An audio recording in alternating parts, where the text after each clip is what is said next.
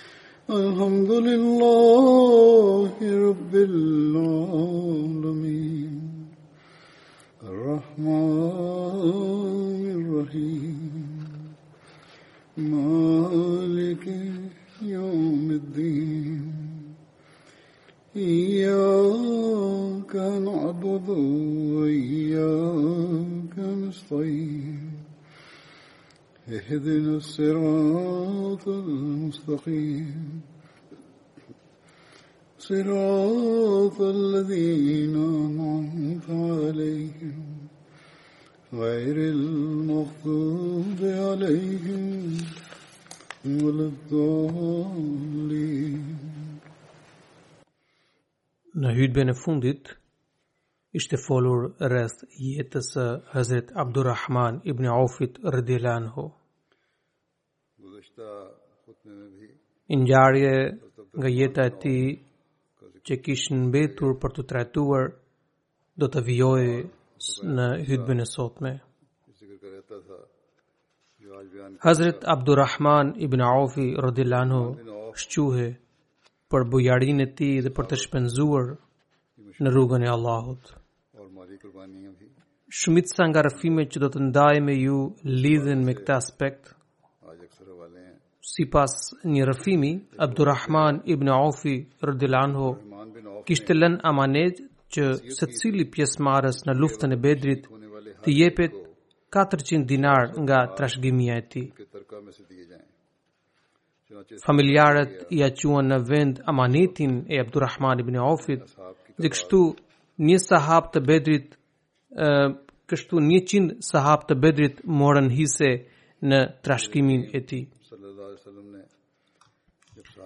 Njëherë, kur i dërguari i Allahut sallallahu alaihi wasallam porositi sahabët për t'u përgatitur për luftën e Tubukut, ai gjithashtu u bëri thirrje muslimanëve të pasur që të shpenzojnë në rrugën e Allahut, duke kontribuar me pasurinë e tyre dhe mjetet e luftës si kuaj e të tjerë. I pari që iu përgjigj kësaj thirrje ishte Ebu Bekri radhiyallahu anhu, i cili solli 4000 dirham, pra e gjithë pasurinë e shtëpisë.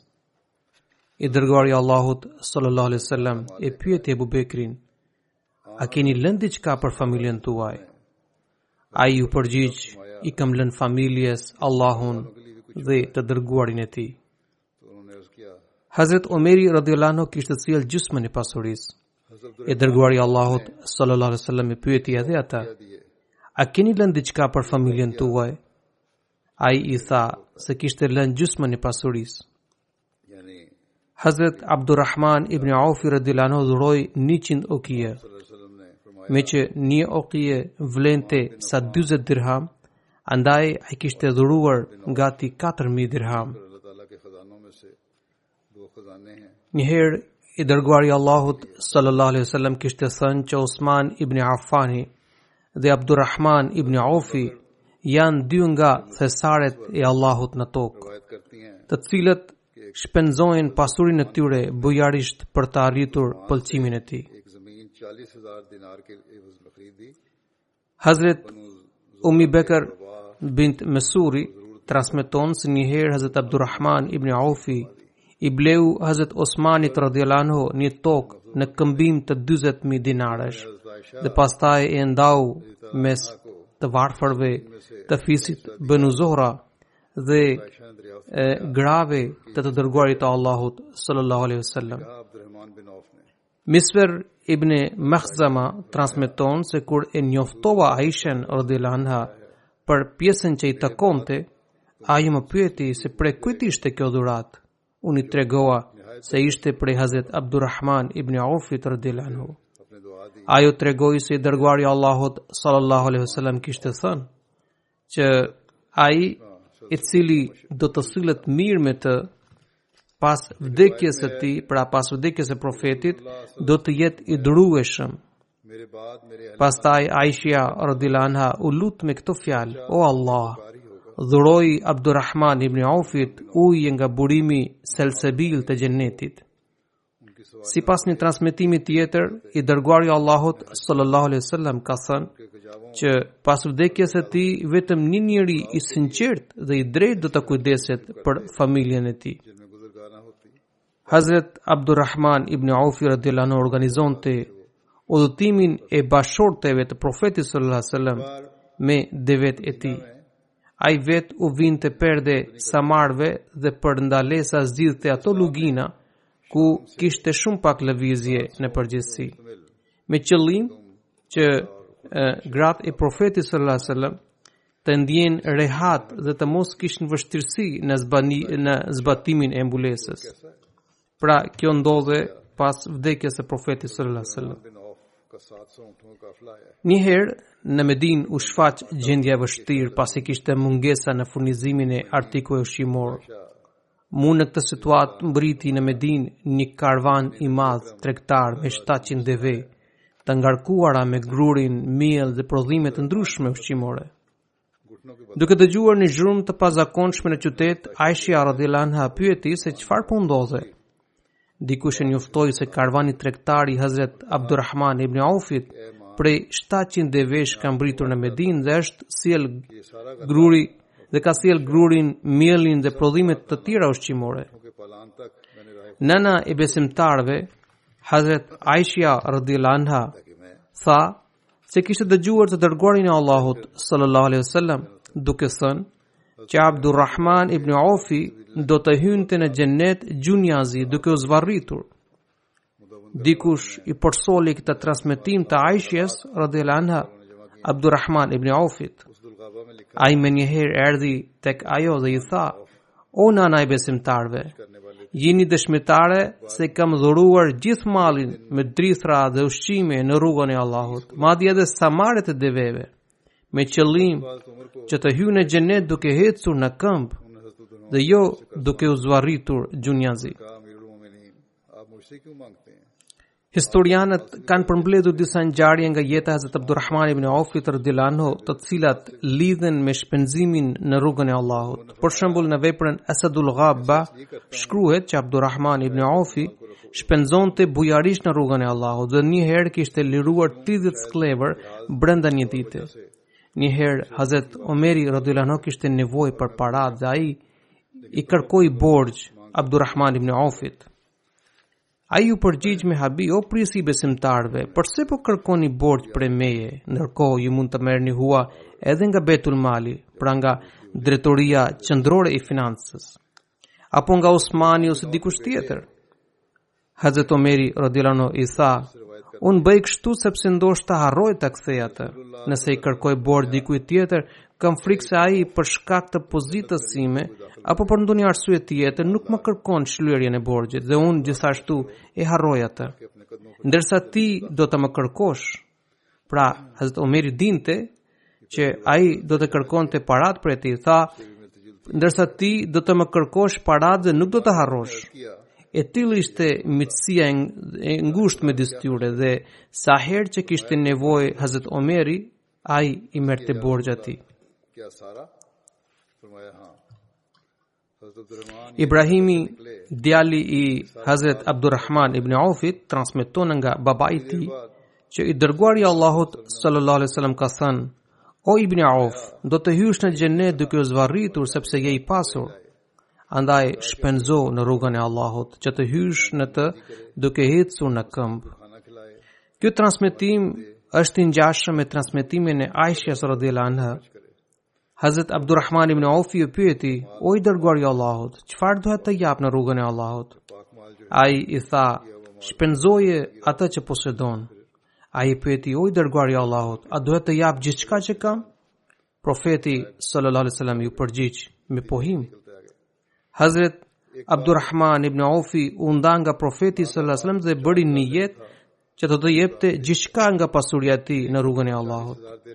Pas pak kohe i dërguari i Allahut, pra nuk kishte kaluar shumë kohë, i dërguari i Allahut sallallahu alajhi wasallam e thirri atë dhe tregoi se i kishte ardhur Xhibraili a.s.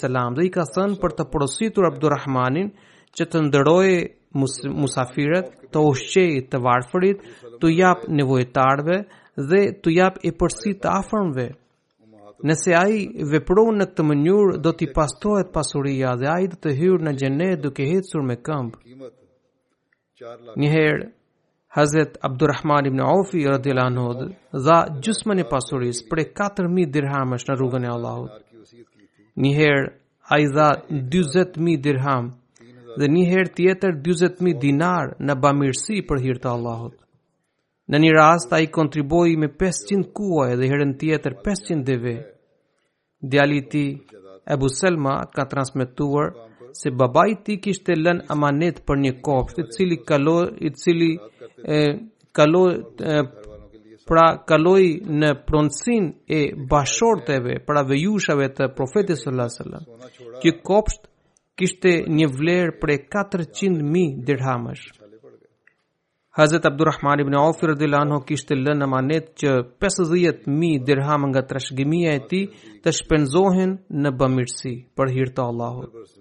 Ai kishte lënë 1000 deve, 3000 krerë dhi dhe 100 kuaj, të cilat kullotnin në luginën Beqi. Hazrat Abdurrahman ibn Auf radhiyallahu anhu merrej me bujqësi në Xherf, i cili ndodhej pothuaj 5 kilometra në veri të Medinës. Në këtë vend, Hazret Omeri radiallahu anhu gjithashtu kishte disa prona. Hazret Abdurrahman ibn Auf radiallahu anhu kishte lënë 20 deve, të cilat tërhiqnin ujë për bujqësi dhe të korrat i mjaftonin për nevojat e familjes gjatë vitit. Sipas një transmetimi, Abdurrahman ibn Aufi kishte lënë pas aq shumë ari saqë punëtorëve u duheshin sëpata për ta prerë dhe u ishin mbetur flluska në në dorë. Hazrat Abdurrahman ibn Auf radhiyallahu anhu ndërroi jetë në vitin 31 apo 32 të hixhretit, sipas burimeve të ndryshme ai kishte jetuar për 72 apo 78 vjet dhe ishte varrosur në Xhenetul Beki. Osmani radiallahu anhu ose sipas një transmetimi Hazret Zubejr ibn Al-Awami radiallahu anhu ia kishin tërhequr ia kishin udhëhequr namazin e xhenazës. Hazret Saad ibn Maliku, i cili qëndronte pranë trupit të tij, ishte shprehur se një njeri i madh si një mal ishte ndarë prej tyre. Hazret Aliu radhiyallahu anhu kishte thënë që Abdurrahman ibn Aufi u nda nga kjo botë. Ai piu nga uji i kthjellët i dunjas dhe iu shmang ujit të turbullt, domethënë gëzoi një periudhë të qetë e të mbarë dhe u nda nga bota para se ta gjenin taksirat. Ai kishte lënë pas tri bashkëshorte dhe secila prej tyre sipas rregullit një të tetë kishte trashëguar 80.000 dirham. Sipas një transmetimi tjetër, ai kishte lënë pas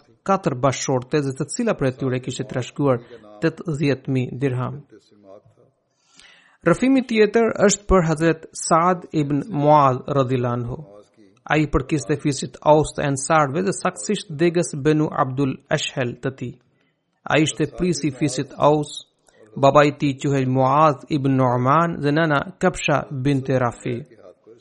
Nëna e tij ishte sahabia e të dërguarit të Allahut sallallahu alaihi wasallam. Ai njihej me epitetin Abu Amru. Bashkëshortja e tij Hind bint Simaki ishte gjithashtu sahabia e të dërguarit të Allahut sallallahu alaihi wasallam. Nga kjo martesë i lindën dy djem, Amru dhe Abdullah. Hazret Saad ibn Muadhi dhe Hazret Usejd ibn Huzeri kishin pranuar Islamin përmes Hazret Musab ibn Umerit radhiyallahu anhu. Hazret Musab ibn Umeri kishte mbërritur në Medinë para ngjarjes së besëlidhjes së dytë të Akabasë, kur 70 sahabë kishin bërë besëlidhje me të dërguarin e Allahut sallallahu alaihi wasallam në Mekë.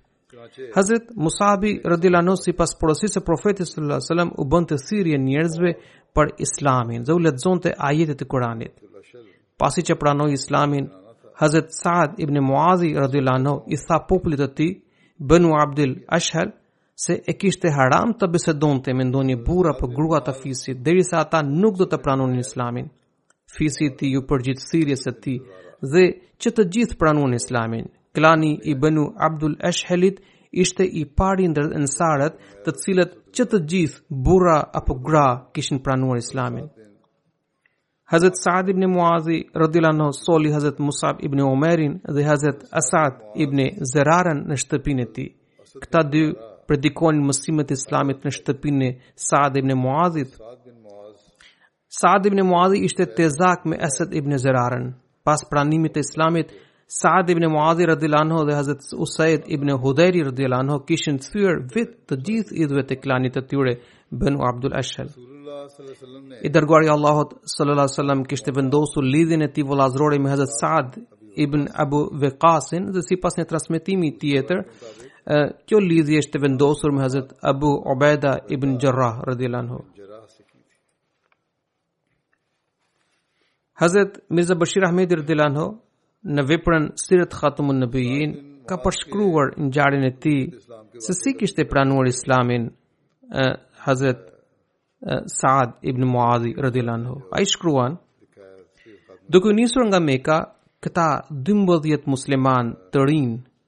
i kishin kërkuar profetit sallallahu alaihi wasallam që të dërgohej një muallim bashkë me ta, i cili t'u mësojë islamin dhe t'i ftojë bashkëkombësit e tyre idhujtarë në islam.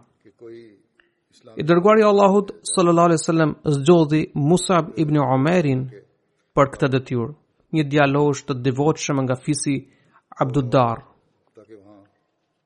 Në atë kohë, misionarët musliman njiheshin si recitues ose uh, mukriun, përderisa detyra e tyre kryesore ishte recitimi i Kuranit. Dhe ai ishte, pra ajo ishte mënyra më e mirë për thirrjen ndaj islamit. Musabi gjithashtu u bë i njohur si mukriun në Medinë. Mus'abi radhiyallahu anhu pas mbërritjes në Medinë, qëndroi në shtëpinë e Asad ibn Zurarës, i cili ishte muslimani i parë në Medinë dhe qe një figurë e ndershme dhe me ndikim në shoqëri. Musabi radhiyallahu anhu e ktheu atë shtëpi, pra shtëpinë e Asad ibn Zurarës, në qendrën e aktiviteteve misionare në Medinë dhe nisi përmbushjen e detyrave me me zell të madh. Meqë muslimanët e Medinës gëzonin jetën shoqërore dhe paqe dhe harmoni në krahasim me Mekën, Prandaj, pas sugjerimit të Asad, Asad ibn Zurarës, i dërguari i Allahut sallallahu alaihi wasallam, porositi Musab ibn Umerin për të zhvilluar gjithashtu namazin e xhumasë në Medinë. Kështu nisi të ngjizej shoqëria muslimane në Medinë dhe falë mëshirës së Allahut, Islami u bë tema kryesore në çdo shtëpi. Fiset Aus dhe Khazrej filluan të pranonin Islamin masivisht dhe në rastin më të mirë një fis i tërë përqafonte Islamin brenda një dite. Fisi Banu Abdul Ashhal, i cili ishte pjesë e respektuar e fisit Aus të Ensarëve, pranoi Islamin në një ditë të vetme. Saad ibn Muazi nuk ishte vetëm kryetari i fisit Banu Abdul Ashhal, por lideri i mbarë fisit Aus. Në fillim, kur diskutohej rreth Islamit në Medinë, Saad ibn Muazi nuk e shikonte këtë me sy të mirë, madje ai vendosi ta ndalojë atë rreptësisht. Saadi ishte tezak me Asad ibn Zurarën, ndërsa ky i fundit kishte pranuar Islamin. Në fillim, Saad ibn Muadhi nuk donte të ndërhynte në këtë mesele, nga frika që të mos prisheshin lidhjet familjare. Për t'iu shmangur prishjes së marrëdhënieve, ai foli me një të afërm Usaid ibn al-Hudhair dhe i tregoi se kishte rezerva ndaj Asad ibn Zurarës. derisa ai kishte pranuar islamin, madje po e ndihmonte në përhapjen, pra në kontribuonte në përhapjen e kësaj feje. Saadi gjithashtu i tha për ta ndaluar Musabin, sepse ai, sipas tij, po përhapte mosbesim në shoqëri. Po ashtu, ai i kërkoi që të paralajmëronte Asad ibn Zurarën, se sjellja e tij është e gabuar. Usaidi ishte prej krerëve të shquar të fisit Abdul Eshhel dhe i ati i tij kishte qenë kryetari i mbarë fisit Aus në luftën e Buasit. Pra, lufta e Buasit ishte një luftë e përgjakshme e cila ishte zhvilluar midis fiseve Aus dhe Khazrexh në kohën e injorancës, në kohën para Islamit. Pas Saad ibn Muadhit, Usaid ibn Hudejri gjithashtu gëzonte autoritet të lartë në fisin e tij. Kështu, sipas porosisë së Saadit, Ai takoi Mus'ab ibn Umerin dhe As'ad ibn Zuraran. Në fillim ai iu drejtua Mus'abit dhe i tha plot inat, përse po i çon njerëzit tanë në mosbesim? Po të lajmëroj për të hequr dorë nga veprimtaria jote. Ndryshe, pasojat do të jenë të rënda. Para se t'i përgjigjej Musabi, Esad ibn Zurara i pëshpëriti në vesh, ky është kryetar i fuqishëm i fisit të tij. Flisni me butësi dhe dashamirësi. Mus'abi veproi sipas këshillës së tij dhe i tha, Ju lutem, mos u zemëroni. Urdhëroni këtu vetëm për pak çaste dhe dëgjoni me qetësi çështjen tonë. Pastaj jeni i lirë për të gjykuar vetë. Usedi ishte njeri i drejtë dhe meqë kërkesa e Musabit ishte plotësisht e logjikshme, ai u ul pranë tyre. Musabi i recitoi një pjesë nga Kurani famëlartë dhe me shumë dashamirësi i shpjegoi mësimet e islamit. Fjalët e tij i depërtuan thellë në zemër dhe ai aty për aty pranoi islamin. Pastaj tha, që pas tij qëndron një njeri i cili nëse pranon islamin, i gjithë fisi i tij do të bëhet musliman. Ai gjithashtu premtoi se do të dërgonte atë menjëherë për të biseduar rreth islamit. Usedi u largua nga vendi dhe pak ma vonë, me pak marifet, dërgoi Saad ibn Muadhin te Musabi dhe Esadi. Saad ibn Muadhi doli përpara dhe i foli ashpër Esad ibn Zurara dhe i tha, o Esad, Nuk është e drejtë që të përfitosh nga lidhjet farefisnore. Unë deri tani nuk kam reaguar vetëm për shkak të kësaj lidhjeje. Andaj, mos e keqpërdor këtë për qëllimet e tua. Musabi i ftohu gjakrat duke folur me butësi dhe dhembshuri, njësoj sikur kishte, njësoj si kishte, siç kishte bërë me Usaidin. Ai tha, ju lutem, uluni këtu dhe na dëgjoni vetëm pak. Nëse Ju duket diçka e papranueshme apo e padrejtë? Ju keni plotësisht të drejtë për ta kundërshtuar atë. Saadi iu përgjigj, në rregull, kërkesa juaj është e drejtë. Ai e shtriu shtizën për tokë dhe u ul bashkë me me Musabin dhe Usaidin. Hazret Musab i recitoi edhe atij disa pjesë nga Kurani famëlartë dhe pastaj i shpjegoi bukuritë e mësimeve të Islamit në një mënyrë mbresëlënëse. Nuk vonoi shumë Dhe Saadi gjithashtu u magjeps nga vërtetësia e islamit. Ai, sipas zakoneve islame, lau veten dhe dëshmoi islamin duke recituar shehadetin. Pastaj, Hazret Saad ibn Muadhi dhe Usaid ibn Al-Hudairi shkuan te populli i tyre.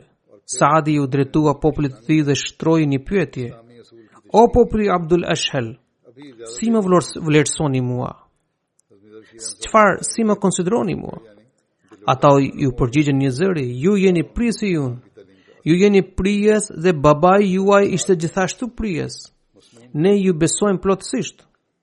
Saadi u tha, atëherë nuk do të kemi asnjë lidhje, derisa nuk besoni në Allah dhe në të dërguarin e tij. Pastaj Saadi u shpjegoi parimet dhe mësimet e islamit. Nuk kishte mbaruar dita akoma dhe nuk kishte perënduar dielli, kur i gjithë fisi kishte pranuar islamin. Saadi dhe Usaidi nxorën vetë idhujt e fisit dhe i shkatërruan me duart e tyre. Saad ibn Muazi dhe Usaid ibn al-Hudairi renditen ndër sahabët e shquar, ndërsa ndër sahab, sahabat ensar ata pa dyshim gjenden në shkallën më të lartë.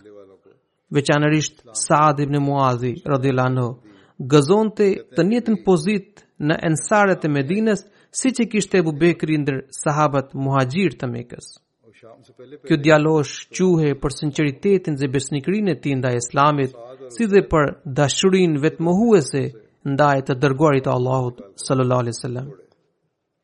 Ai ishte shumë i zgjuar. Duke qenë kryetari i mbarë fisit, ai arriti atë pozitë të lartë që gëzonin vetëm disa sahabë të zgjedhur.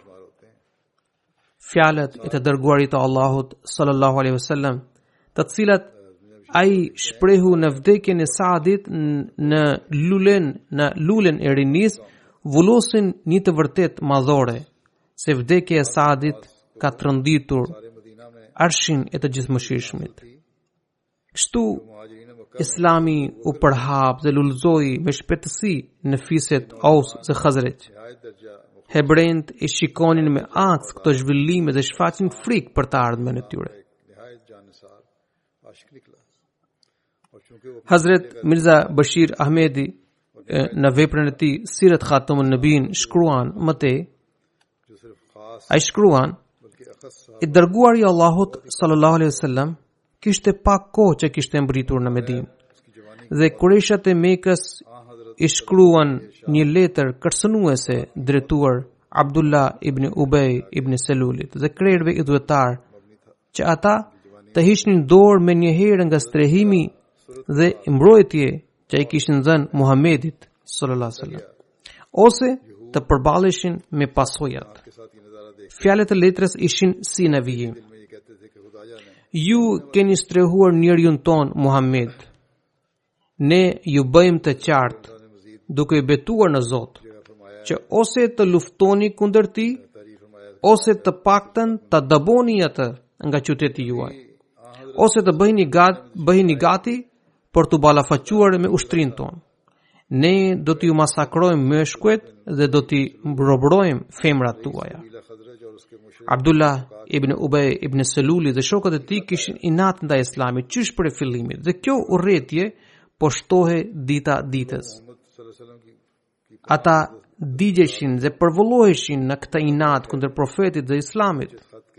Të fryrë nga urrejtja ata nisën përgatitje për të luftuar me profetin sallallahu alajhi wasallam pas kësaj letre. kur i dërguari i Allahut sallallahu alaihi wasallam mësoi për planet e tyre, ai menjëherë takoi Abdullah ibn Ubay ibn Selulin dhe shokët e tij dhe i shpjegoi se një konflikt i tillë do të sjellë pasoja të rënda për ta. Pasi përballë tyre do t'i gjejnë vëllezërit e tyre bashkëkombës, sepse ata që kishin pranuar Islamin ishin banorët e Medinës. dhe pjesëtarët e fiseve të tyre. Andaj, shpallja e luftës kundër profetit sallallahu sallam do të nënkuptonte konflikt i ri i brendshëm me fiset aus dhe khazreq. Pra, brenda um, fiseve aus dhe khazreq. Ai gjithashtu u kujtoi që lufta ndaj tij do të thoshte që ata të nxirrnin shpatën kundër bijve, vëllezërve dhe baballarëve të tyre. Pra, të mendonin mirë para se të hidhnin ndonjë hap. Abdullahu dhe shokët e tij nuk kishin harruar akoma shkatërrimet e luftës së Buasit, që kishin që kishte zhvilluar, që kishin zhvilluar me njëri-tjetrin. Andaj e hoqën nga mendja menjëherë mundësinë e një konflikti të ri. Kur kurejshët dështuan në planin e tyre, ata nisën një letër të ngjashme drejtuar hebrenjve të Medinës. Qëllimi i tyre i vetëm ishte zhdukja e Islamit.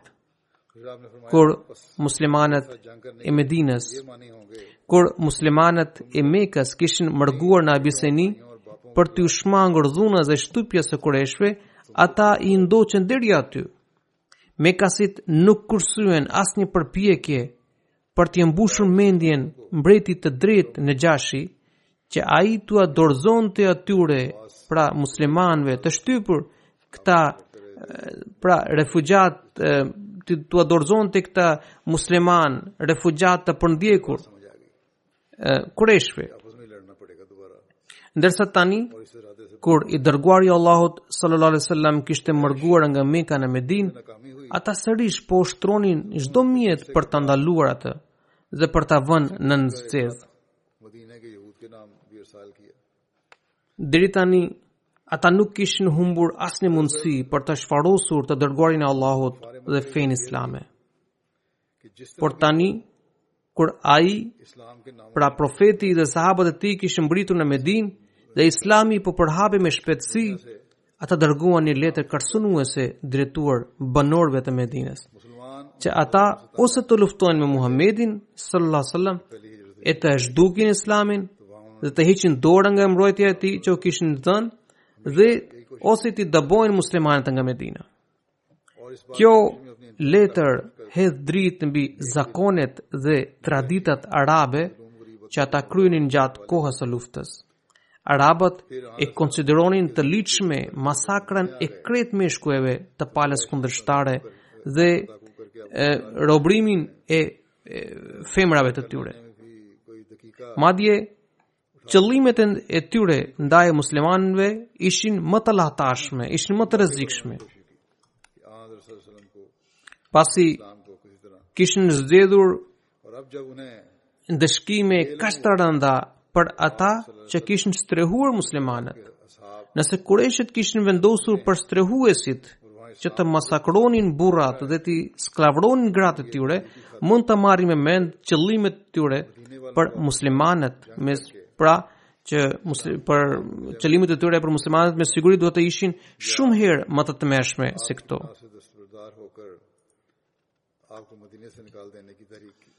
Kjo letër kërcënuese e kureshve nuk ishte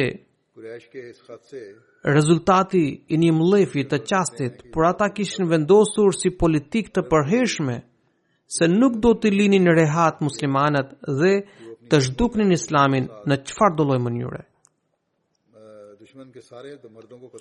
Hazret Mirza Bashir Ahmedi radhiyallahu anhu ka cituar një ngjarje e cila gjithashtu hedh dritë mbi qëllimet e rrezikshme të Mekasve. Ai shkruan: Sipas një transmetimi në Buhari, vetëm pak kohë pas ngjarjes së Hijretit, Saad ibn Muazi, kryetari i fisit Aus, i cili tashmë ishte bërë musliman, udhëtoi në Mekë për të kryer tevafin e Qabes.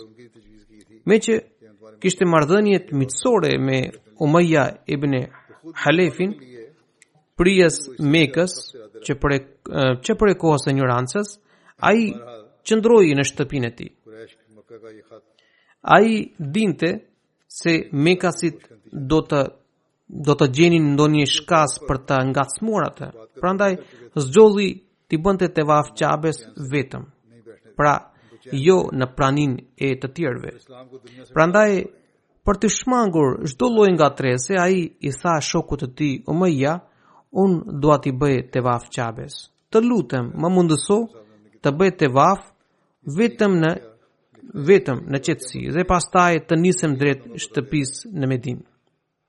Umayya ibn Halefi zgjodhi kohën e drekës dhe e shoqëroi në Qabe.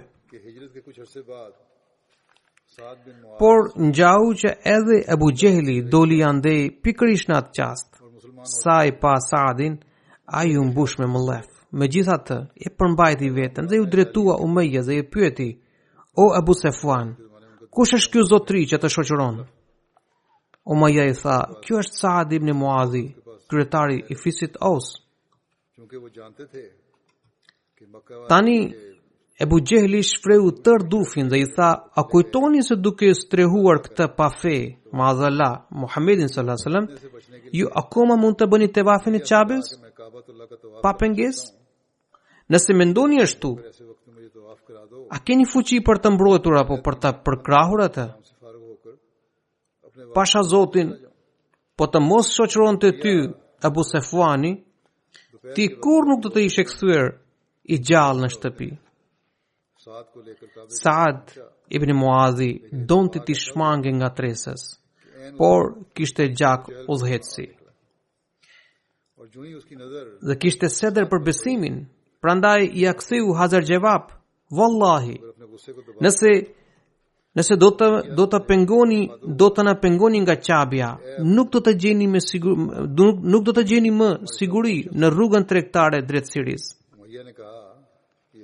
Pra, Hazret Saad ibn Muadhi radhiyallahu anhu iu përgjigj Abu Jehlit aty për aty dhe i tha që në pra duke u betuar në Allah që nëse ata pra kurejshët do të pengonin ata muslimanët nga tevafi i Qabes, atëherë nuk do të kenë më siguri dhe paqe Pra, nuk mund ta bënin rrugën tregtare drejt Sirisë me paqe. Pra, ai u tha që ne ndodhemi mu në mes dhe do t'ju përgjigjemi ashpër. Kur Umeja dëgjoi përgjigjën e ashpër të Saad ibn Muadhit, ai u mat ta qetësonte atë dhe i tha, o Saad, mos e ngre zërin kundër Abu Hekemit. Ai është lideri ynë. Banorët e Mekës e quanin Abdul Abul Hekem. Por Saadi nuk përmbahej dot dhe i tha Umayas, mos u ngatërro ti me këtë çështje. Wallahi, nuk mund ta harroj profecinë e të dërguarit të Allahut sallallahu alaihi wasallam se ti do të vritesh nga muslimanët.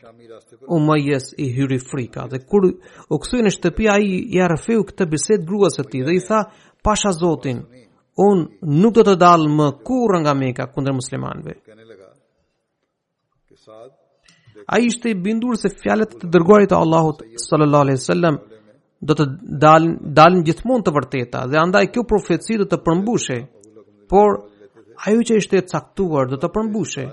Në luftën e Bedrit, Umayya u detyrua të udhëtonte drejt Mekës dhe gjeti vdekjen dhe u vra nga muslimanët.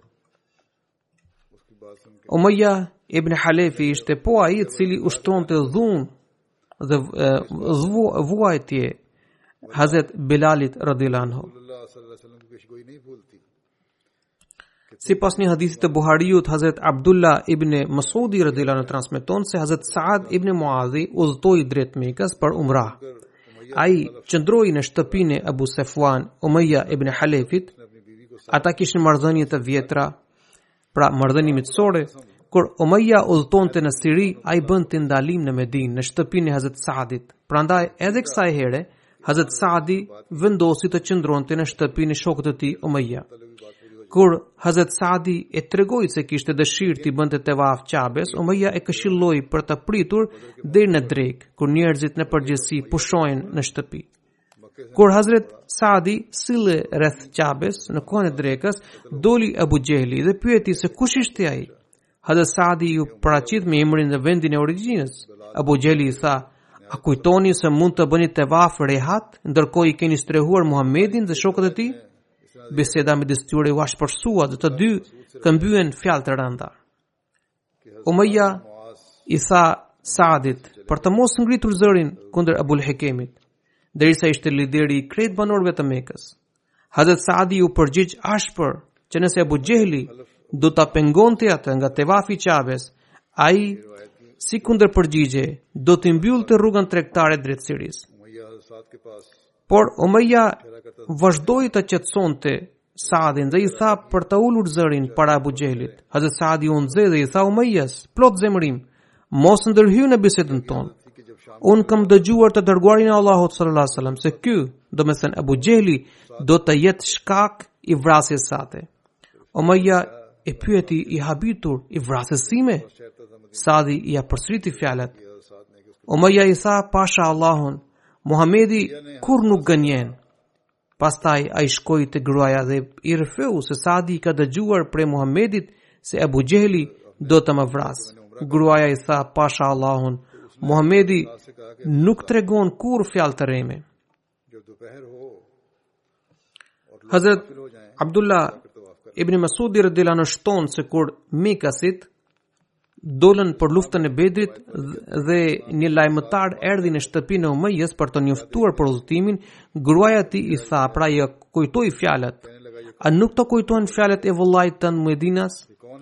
Umeja deshi të mos nise, por Abu Xhehli insistoi se duke qenë ndër krerët e Mekës, ai le të vinte vetëm për dy ditë. Në këtë mënyrë Umeja u pajtua dhe nisi këtë udhëtim dhe përfundimisht gjeti vdekjen. Në një transmitim tjetër përmendet që Hazrat Saadi i tha Umejes, betohem në Zot, unë e kam dëgjuar të dërguarin e Allahut sallallahu alaihi wasallam duke thënë që ata, domethënë shokët e tij, do të arrijnë ta vrasin atë. Umeja e pyeti në Mekë, Saadi nuk kishte përgjigje, por Umejës i hyri frika. Kur u kthye në shtëpi, ai i tha gruas së tij, Safia ose Karime bint Muammar, o nëna e Safuanit, a ke dëgjuar çfarë ka thënë Saadi rreth meje? Gruaja e pyeti se çfarë i kishte thënë Saadi. Umayya i tha, Saadi ka thënë që Muhamedi e ka lajmëruar se ata, domethënë muslimanët, do të më vrasin. Kur e pyeta se a do të ndodhte kjo në Mekë, ai më tregoi se nuk e dinte. Pastaj Umayya i tha, Pasha Zotin, s'kam për të dalë kurrë nga Meka. Por, kur erdhi koha e luftës së Bedrit, Ebu Xhehli u bëri thirje njerëzve që të nisin për luftë. Ai gjithashtu i çoi një mesazh Umejes që të vinte në këtë ekspeditë ushtarake për të mbrojtur karvanin e tyre tregtar. Por Umeja refuzoi të vinte. Atëherë, Ebu Xhehli i shkoi personalisht dhe i tha o Abu Safwan ti je ndër krerët e luginës kur njerëzit do të të shohin se ke mbetur mbrapa ata gjithashtu do t'i shmangen luftës më në fund Ebu Xhehli arriti t'i mbushte mendjen e tij pastaj Umayya i tha gruas se të bënte gati plaçkat për për rrugë ajo e pyeti se a kishte harruar fjalët e vëllait të tij medinas Ai iu përgjigj se nuk kishte harruar, veç do të udhëtonte deri diku me ushtrinë e jo deri në fund. Ku kudo që ndalej ushtria, pra ushtria mekase, Umayya e lidhte devenë, derisa Allahu i madhërishëm i dha vdekje në fushën e Bedrit.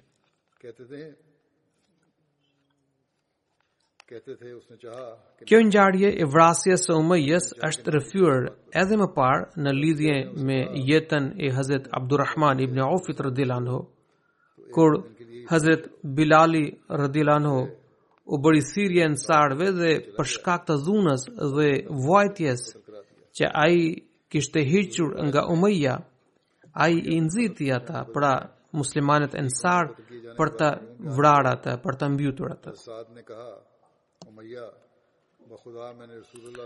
Hazret Kalifi i Dytë radhiyallahu anhu gjithashtu ka rrëfyer këtë ngjarje, ai shkruan një ndër krerët e Medinës Saad ibn Muadhi kryetari i fisit Aus udhëtoi në Mekë me qëllim t'i bënte tevaf Qabes. Kur e pa Abu Jehli duke kryer tevaf, ai iu drejtua plot mllef. A kujtoni se do të vazhdoni t'i bëni tevaf Qabes pa pengesë? Edhe pse që e keni strehuar Muhammedin pa fe, mazalla, Dhe a me të vërtetë besoni se keni fuqi për ta mbrojtur dhe për ta ndihmuar atë? Pasha Zotin, nëse nuk të shoqëronte Ebu Sefuani tani, nuk do të të kisha lënë të shkoje i gjallë në shtëpi. Saad ibn Muadhi ia ktheu një përgjigje të atypëratyshme. Vallahi, nëse do të na pengoni nga Qabja, nuk do të gjeni më siguri në rrugën tuaj tregtare drejt Sirisë. Hazret Saad ibn Muadhi radhiyallahu anhu shoqëroi të dërguarin e Allahut sallallahu alaihi wasallam në luftën e Bedrit, Uhudit dhe Hendekut. Në ditën e Bedrit ai mbante flamurin e fisit Aus. Një ngjarje në luftën e Bedrit tregon më së miri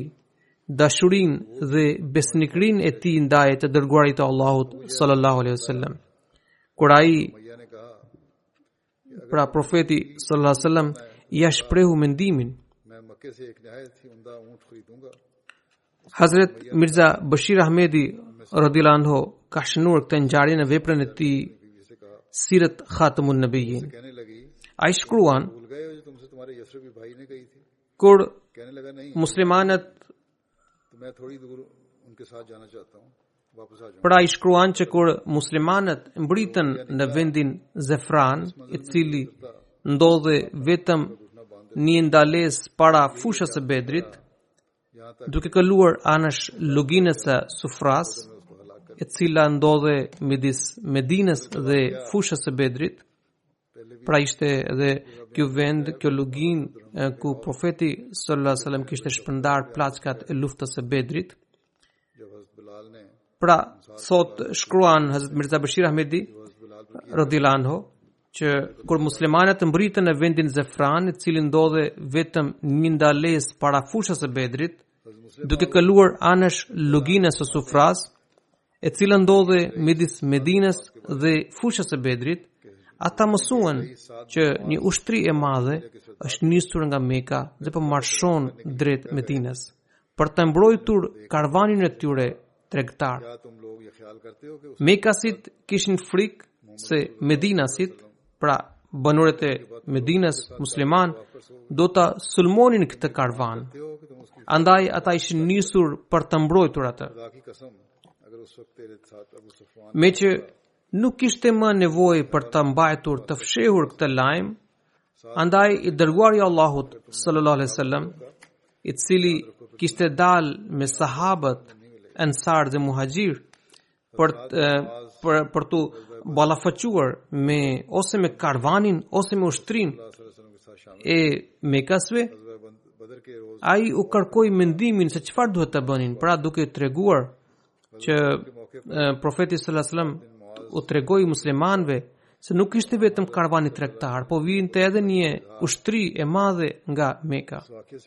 Disa sahabë i thanë që duke parë mjetet që posedonin ishte e udhës që të ndesheshin me karvanin, pasi nuk kishin nuk ishin të përgatitur për t'u ballafaquar me një ushtri të tërë.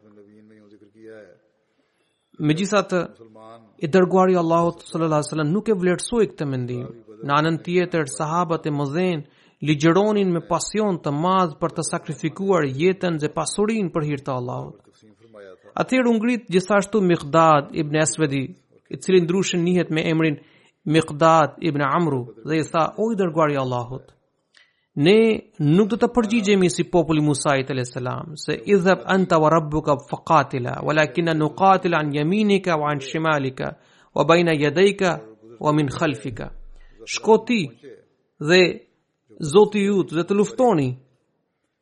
Përkundrazi, ne do të luftojmë përkrah jush, në të djathtë dhe në të majtë, para jush dhe mbrapa jush. Ne jemi të gatshëm për të ecur bashkë me ju kudo që dëshironi. Fytyra e profetit sallallahu alaihi wasallam po shkëlqente nga ngazëllimi, duke dëgjuar fjalët frymëzuese, fjalët bindëse të Hazret Miqdad ibn Esvedit radiallahu anhu. Por ai akoma priste përgjigjen e ansarve, të cilët akoma deri tani nuk kishin folur. Ai dëshironte të dëgjonte fjalë të tilla bindëse nga krerët e ansarve. Pra donte të sigurohej për e tyre. pasi mendonte se ndoshta ensarët akoma besojnë që sipas besëlidhjes së Akabasë, sipas marrëveshjes që kishin bërë, sipas betimit që i kishin dhënë të dërguarit të Allahut sallallahu alaihi wasallam, përgjegjësia e tyre për ta mbrojtur atë vlente vetëm në rast se kundërshtari të sulmonte qytetin. Por tashmë, ata kishin dalë nga qyteti i Medinës Ata ishin larg pra jashtë kufive të qytetit. Prandaj edhe pse kishte dëgjuar fjalë kaq të ngrohta dhe frymëzuese nga sahabët muhaxhirë, ai vazhdonte të thoshte këshillomëni, këshillomëni, pra kërkonte akoma kërkonte këshillë, akoma kërkonte opinionin e sahabëve, kërkonte mendimin e tyre. Hazret Saad ibn Muazi ia kuptoi qëllimin dhe i tha: "O i dërguari i Allahut, ndoshta doni të dini opinionin tonë." Pasha Allahun.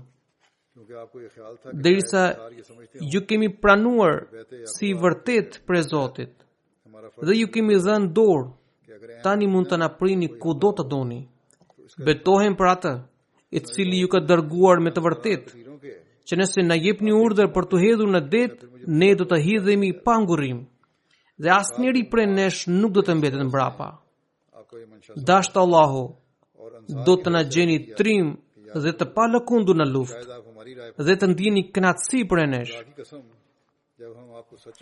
Pasi që dëgjoi Saad ibn Muazin i dërguari i Allahut sallallahu alaihi wasallam s'u përmbajt më nga gëzimi pra nga zëllë nga përgjigjja e Saad ibn Muazit radhiyallahu anhu dhe profeti sallallahu alaihi wasallam pastaj dha urdhër dhe tha marshoni përpara me emrin e Allahut Dhe gëzohuni, sepse Allahu më ka premtuar se do të na bëjë triumfues mbi njërin prej dy grupeve të mosbesimtarëve.